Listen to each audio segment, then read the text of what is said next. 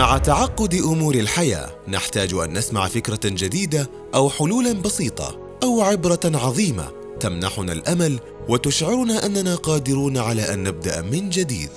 برنامج نقدر يمنحك كل يوم فكرة وأمل. نقدر وي كان وي كان برعاية مؤسسة سليمان بن عبد العزيز الراجحي الخيرية. السلام عليكم. تعالوا نفكر اليوم سوا بموضوع الإرادة.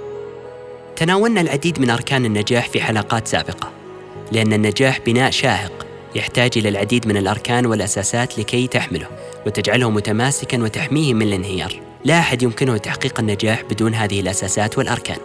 اليوم نتحدث عن أساس جديد للنجاح. اليوم نتحدث عن الإرادة. الإرادة التي لخص معناها الإمام ابن القيم بكلمات رائعة. قال فيها أجمع عقلاء كل أمة على أن النعيم لا يدرك بالنعيم. وأن من آثر الراحة فاتته الراحة وأنه بحسب ركوب الأهوال واحتمال المشاق تكون الفرحة واللذة. بل إذا تعب العبد قليلا استراح طويلا. هذه هي الإرادة. الإرادة التي إذا ما اشتعلت في جنبات روحك وجسدك جعلتك تنتفض لتحقيق أهدافك والسيطرة على حياتك بالكيفية التي تريدها وبالمضمون الذي ترغبه. المعركة الحقيقية أصلا في الحياة يا عزيزي هي معركة إرادة صرفة. معركة إرادة وعزيمة. فالمواظبة على الصلاة مثلا تحتاج إلى إرادة. غض البصر يحتاج إلى إرادة.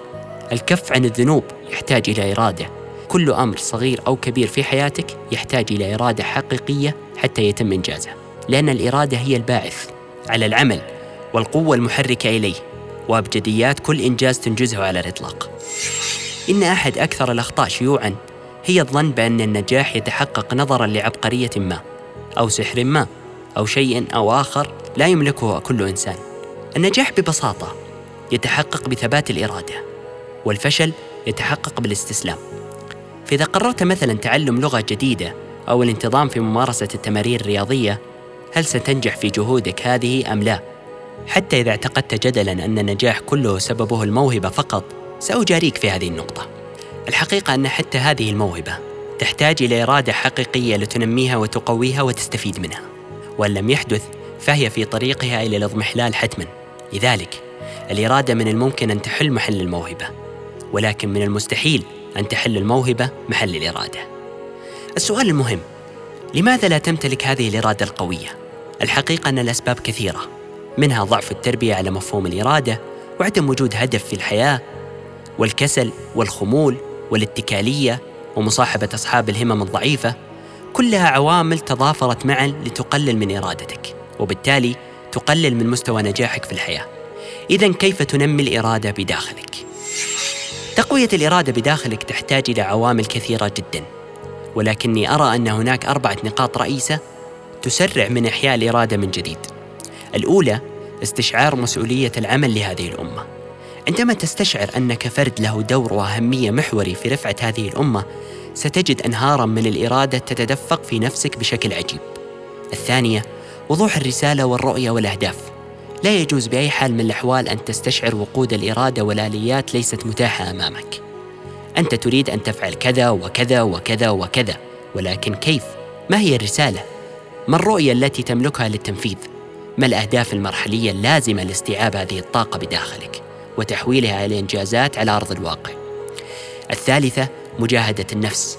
هذه بمفردها تدريبا رائعا لرفع الإرادة لديك. جاهد نفسك حتى في الأمور البسيطة التقليدية، وابدأ في ترويضها بالتدريج. امتطيها ولا تجعلها تسيطر عليك.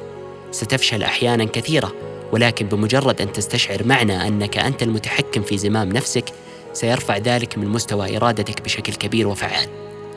الرابعة مصاحبة ذوي العزيمة والإرادة. هذه النقطة تغنيك عن كل ما سبق. ابتعد عن السلبيين الانهزاميين وتعلق بالإيجابيين ذوي الإرادة والثقة في النفس والمسؤولية. وأخيرا تذكر دائما لا يوجد في العالم شيء يمكنه أن يحل محل الإرادة وأن الموهبة وحدها لا تكفي. فهناك الملايين من الفاشلين من ذوي المواهب والذكاء وحده لا يكفي. فالكثير من الأذكياء لم يجنوا شيء من وراء ذكائهم والتعليم أيضا وحده لا يكفي. فالعالم مليء بالمتعلمين عديمي الجدوى ولكن الإرادة وحدها هي القادرة على تحقيق كل شيء. ويبقى الكلام مجرد كلام إلى أن يدخل حيز التنفيذ.